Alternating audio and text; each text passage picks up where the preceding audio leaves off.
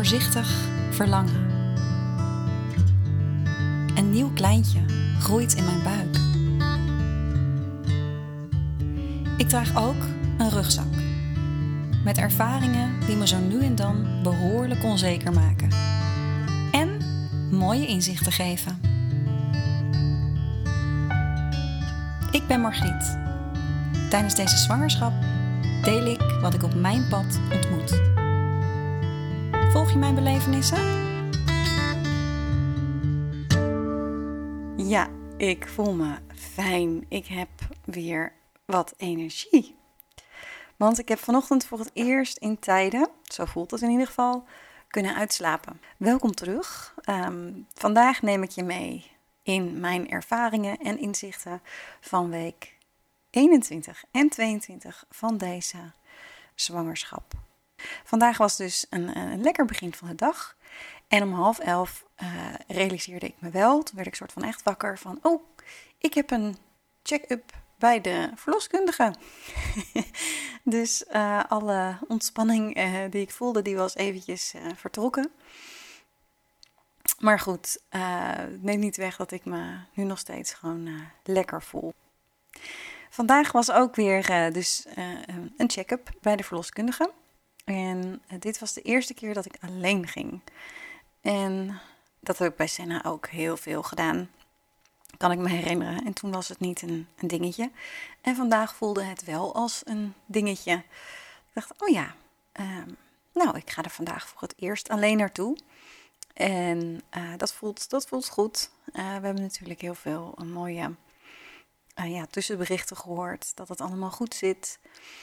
En om dan vandaag toch even alleen in die wachtkamer te zitten en onderweg er naartoe te zijn, ja, dat overviel me ergens toch wel weer. Want wat gebeurt er dan als je daar in je eentje zit? In ieder geval bij mij. Dan zit je daar met je gedachten en met je ja, gevoelens en onzekerheden en een stukje vertrouwen, wat er ook zeker is. Dus ik moest ook nog heel eventjes wachten tot de verloskundige zover was. En nou ja, ik geloof erin dat het dan zo uh, moet zijn. Dus dat ik daar dan eventjes in mijn eentje in die praktijk zat met mezelf. En uh, dat ik voelde van, uh, oh ja, misschien vind ik het toch wel een beetje spannend weer. En toen heb ik mijn handen op mijn buik gelegd en mezelf gevuld met een positief scenario van dat het goed zit en ja, dat ik het vertrouwen mag voelen. En de liedjes op de radio waren vrolijk en, en, en fijn. En daar ben ik maar uh, zo ben ik de tijd doorgekomen. En waar hebben we het over? Hè? Het was misschien drie minuten. Dus maar ik merkte dat het alweer eventjes een soort van uh, stapje was. En uh, dat ik dacht, hoe ga ik, ja, hoe ga ik kalm blijven? Nou, dat is dus gelukt door dat contact te maken en het vertrouwen uit te spreken voor mezelf. Ik zag trouwens ook op de weg er naartoe een, een bestelbusje met een groot hart op de achterkant. toen ik wegreed. En um, me realiseerde, oh, ik ga nu het eerst alleen. Dat dat hartje een soort van een teken was van, hé, hey, het zit goed. Of, nou ja, we zijn, we zijn bij je. Ik geloof daarin. Ik geloof dat, uh, dat er veel meer is dan dat we kunnen zien en, en met onze andere zintuigen kunnen waarnemen. En dat is wel echt een van de dingen die ik in deze zwangerschap ook heel erg voel en gevoeld heb. Dat ik gesteund word door onzichtbare krachten. Zoals die tekens en signalen onderweg. Wat wel leuk was, was dat het. Uh, toen ik even moest gaan liggen en dat de verloskundige ging voelen van uh, hoe groot de baby nu is. En uh, de ruimte van de baarmoeder, geloof ik. Of de, de grootte van de baarmoeder voelen ze ook. En natuurlijk het hartje luisteren. nou ja, dan lig je op zo'n bank. In deze praktijk hebben ze dan ook een spiegel ernaast, zodat je ook je eigen buik kunt zien. En vandaag was voor het eerst dat ik uh, mijn buik tevoorschijn zag komen uh, in die spiegel. En uh, dat was wel een grappig momentje. En ik sprak dat zo uit tegen de verloskundige. En ik zeg: Ik weet niet wat dat is, maar deze zwangerschap voelt zoveel onwerkelijker dan de andere zwangerschap. in ieder geval de zwangerschap van Senna. Ze beaamde dat meteen. Ze zegt: Ja, dat komt omdat je het gewoon bewuster beleeft. Hè, deze keer. En ik denk wel dat ze, daar, dat ze daar een punt heeft. Maar het grappige is dat het in mijn hoofd juist logischer zou zijn dat dit werkelijker voelt, omdat ik het allemaal al een keertje heb meegemaakt. En zij draaide het eigenlijk om van, hé, je hebt het allemaal eens meegemaakt. En nu sta je er bewuster in. En daardoor voelt het, ja, onwerkelijker, magischer.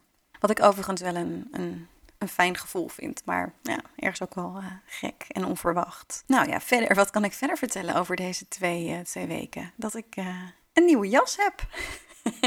Vorige keer heb je mij horen vertellen dat ik bijna niet meer in mijn uh, jas pas. En um, nou ja, ik heb dus een hele lieve buurvrouw hier tegenover wonen die mij haar jas heeft uh, geleend toen ik mijn beklag deed.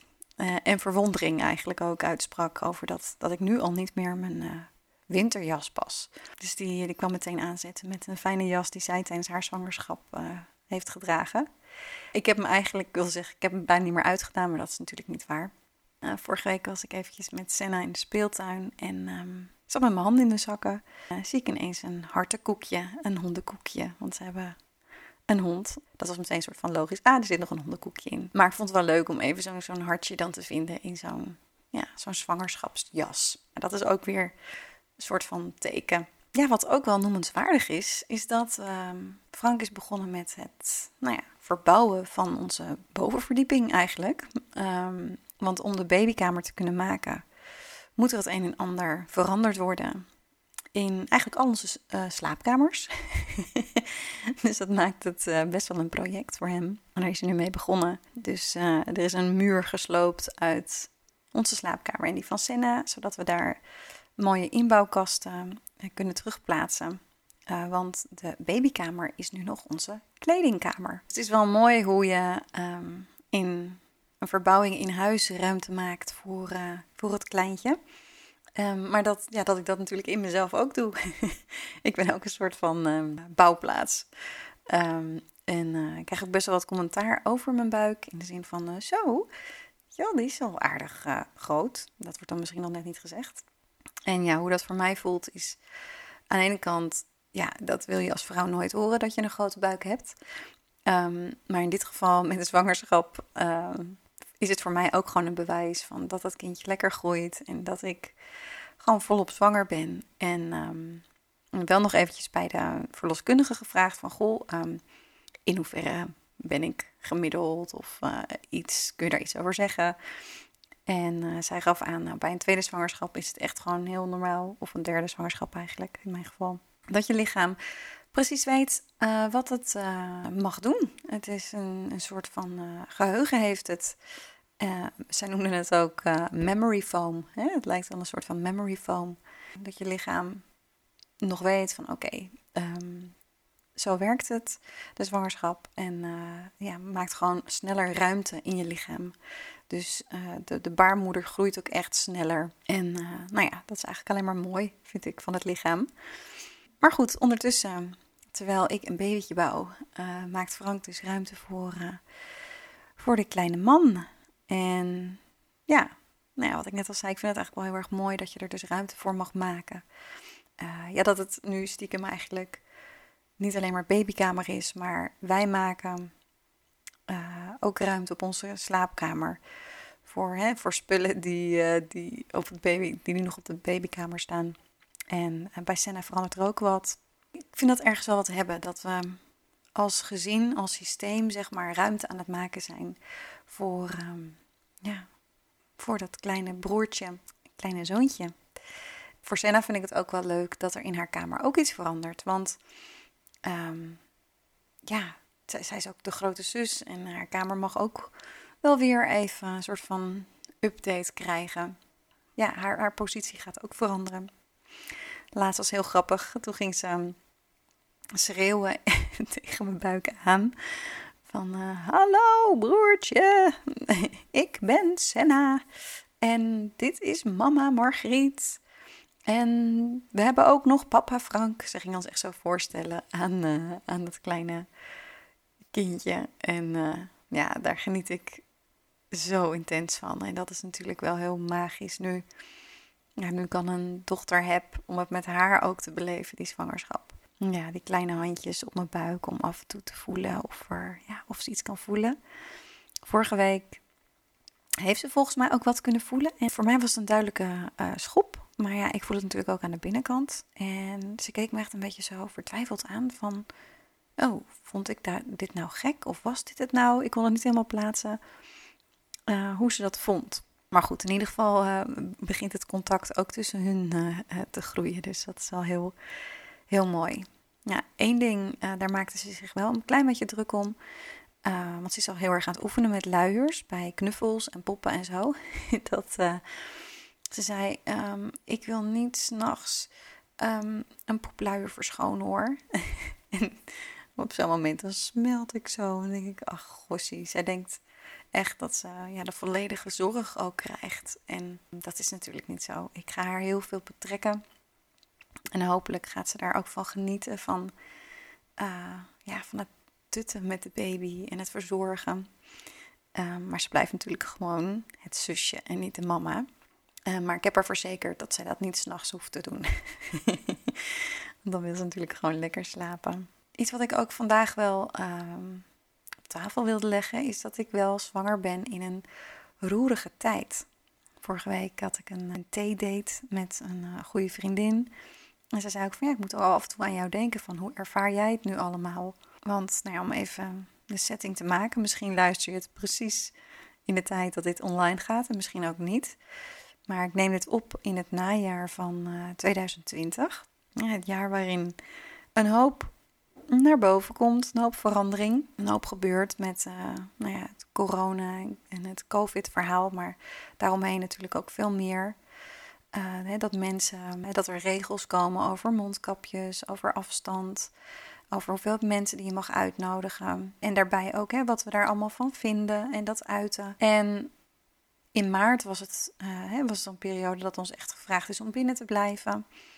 Daar heb ik misschien vorige keer al wat over gezegd dat ik dat ergens ook wel weer prettig vond. Omdat ik toen ja, ook in mijn, in mijn zwangerschapskokonnetje kon gaan zitten. En daarna voelde het alsof we wat meer gingen wennen aan de situatie. En, en flexibel gingen worden, ook op het gebied van werk. dat veel meer mensen thuis werken. Vindt er wel weer een weg in en er mocht ook weer meer. Um, en nu zitten we eigenlijk weer, in ieder geval voor mijn gevoel, weer in een fase waarin de maatregelen worden aangescherpt. Een andere vriendin van mij die omschreef het vorige week heel erg mooi. Van het enige wat echt helpt in deze tijd is zo flexibel zijn als een elastiekje. En toen dacht ik, ja, daar, daar heb je hem helemaal uh, uh, kloppend, ook voor mij. Want ja, de eerste, eerste periode, dan pas je je aan. Dat is een soort van vierkracht. Nou, dan mag je weer meer. Dan ga je dat ook weer vieren en gaat zo blij zijn dat je weer bijvoorbeeld in eigen land op vakantie kan. En nu wordt het weer aangescherpt. Dus ja, weer de andere kant van de elastiek wordt uh, uitgedaagd.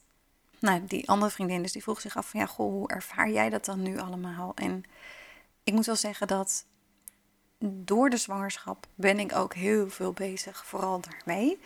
En uh, ligt mijn focus niet zozeer op wat er zich allemaal afspeelt in de wereld. Maar het raakt mij natuurlijk wel. En um, ik denk ook wel dat de energie die er is, um, dat ik die voel en misschien wel extra binnenkomt of zo. En um, nou, de vermoeidheid waar ik mee deze podcast ook mee begon, ja, die komt daar misschien ook wel vandaan. Er hangt gewoon spanning in de lucht, er hangt angst in de lucht. Er hangt ook, voor mijn gevoel, een soort van nieuwe toekomst in de lucht. En ja, juist de kans om dingen te kunnen veranderen. En uh, voor een groot deel voor de better. better. Change them for the better. En bijvoorbeeld dat we minder gaan reizen. Um, en uh, efficiënter omgaan met de tijd. Maar ook meer contact hebben met familie. Um, of de focus wat meer op het gezin. Weet je, daar zitten ook positieve kanten aan. Dus ja, ik voel dat eigenlijk allemaal. En ik zou dat denk ik normaal gesproken, ook als ik niet zwanger zou zijn, ook voelen. En nu voelt het wel een beetje alsof ik nou, me vooral mag focussen op het nieuwe leven. Wat eigenlijk ook iedere dag natuurlijk gewoon zich ontvouwt voor ons allemaal. En nu wat extremer voelbaar is, omdat er oude dingen gaan wegvallen. Of er komt bepaalde schaduwkanten komen naar boven over nou, racisme bijvoorbeeld. En nou ja, veel meer uh, um, zware dingen. Ja, ik denk ook echt dat dat allemaal naar boven mag komen zodat het gezien kan worden. Het was er eigenlijk altijd al, maar nu wordt er over gepraat, nu wordt er over gedacht, nu wordt er energie over uitgewisseld. En ik denk dat dat nodig is om het te kunnen verwerken. om weer uh, ja, een soort van nieuwe start te maken. Maar die start is niet van oké, nu drukken we op een knop, nu is de nieuwe wereld begonnen. Dat maken we met elkaar. En dat gaat geleidelijk, de verandering. En uh, ja, ik ben natuurlijk nu gewoon een soort van ambassadeur, hoe noem je dat? Een, een voorbeeld van nieuw leven maken, omdat ik zwanger ben. En zo voelt het ook echt. Dus misschien is het juist wel een voorrecht om juist in deze tijd zwanger te zijn, omdat het ook zo past bij transformatie en uh, de nieuwigheid en het onbekende. En ook dat durven te vertrouwen, wat ik in het klein meemaak of heb meegemaakt, gaat ook heel erg over. Hoe ga ik om met mijn angst en uh, hoe vind ik mijn vertrouwen? En ik denk dat we dat eigenlijk in zo'n tijd als deze met z'n allen ook aan het onderzoeken zijn. Dat vind ik gewoon heel magisch. Uh, hoe dat dan uh, um, bij mij in het klein voelbaar is en in het groot in de wereld voelbaar is. Tegelijk, um, ja, dat klinkt wel van als een soort van uh, bijna heilig, van een heilig zwanger zijn. En dat is natuurlijk ook niet, want ik heb bijvoorbeeld best wel wat bandenpijn. Of ja, pijn vind ik nog wat te sterk uitgedrukt, maar wat spanning op mijn banden. Net dat is iets wat echt wel uh, nu actief speelt. En ik ben wat meer zwangerschapsyoga aan het um, uitproberen, gewoon thuis. En dat voelt eigenlijk wel erg goed. En ja, met een bepaalde, met, met ook fysieke bewustzijn bezig te zijn. Me fysiek voor te bereiden op niet alleen de geboorte, maar ook de aanwezigheid van deze zwangerschap. Want ik merk nu ook, nu Senna eventjes uit logeren is, dat ik toch wel makkelijker mijn hand op mijn buik leg en even tegen het kleintje praat. En ja, ik wil ook echt wel graag in mijn lichaam aanwezig zijn. En niet alleen maar in mijn hoofd. En niet alleen maar in mijn hart. Want nou ja, ik denk eigenlijk wel, als ik zo even terugzoom op de beginperiode van de zwangerschap, hè, zat ik toch wel veel in mijn hoofd vanwege onzekerheid en angst. Toen ben ik bewust gaan afzakken ook naar mijn hart en, en naar het vertrouwen, naar de signalen, naar steunvragen um, liefde mogen voelen, ontvangen. En nu die buik, ja, die maar groter wordt, hè, zak ik af naar mijn buik. En het leven wat zich daar aan het ontwikkelen is. En, en het vertrouwen eigenlijk wat daar ook verder aan het groeien is. Ik merk ook dat ik gewoon uh, ja, een stukje emotioneler ben. En uh, dat vind ik eigenlijk wel mooi. Weet je, ik, ik merk dat dat ik daar net even over nadacht van, ja, wat, wat vind ik daar eigenlijk van dat ik emotioneler word? Er lijkt zo'n stempel te hangen op dat emotioneel niet goed zou zijn of zwak zou zijn of um, ongemakkelijk, ook voor anderen natuurlijk. En nu denk ik, wat heerlijk eigenlijk dat je in je zwangerschap, mede dankzij hormonen, mede dankzij alles wat er in je lichaam, in je leven verandert, dat je daar ook een stukje emotioneler van wordt, is eigenlijk alleen maar mooi, denk ik. Dus van de week zag ik een hele mooie videoclip waarbij uh, uh, Palestijnen en Arabieren en Joden samen een lied maakten uh, met een, een, bepaalde band. One Day heette dat. En dan meerdere stemmen, meerdere talen. Wat gewoon ging over op een dag, dan is er vrede. En nou, ik weet zeker dat als ik het nu zou aanzetten, dat, dat ik weer zou, zou gaan stromen van, van tranen, maar ook van liefde voor de mens. En uh, de wens om ja, het leven lichter te maken en de mooie kant te zien en te voelen. En daar, daar dompel ik me gewoon lekker in uh, gedurende deze tijd van de zwangerschap. Nou, volgens mij uh, was dat hem voor, voor vandaag. Dankjewel weer voor het luisteren, voor het meeleven. En uh, nou, heel graag natuurlijk tot een volgende keer. Dan deel ik weer wat er uh, bij mij naar boven komt. Voor nu heel veel liefs voor jou. Hopelijk heb je genoten van deze aflevering van Voorzichtig Verlangen en heeft het je iets gebracht. Wanneer dat zo is, dan maak je me heel blij met een positieve beoordeling. Misschien ken jij iemand die nu zwanger is en ook onzekerheid ervaart. Dan is deze podcast voor haar zeker delen.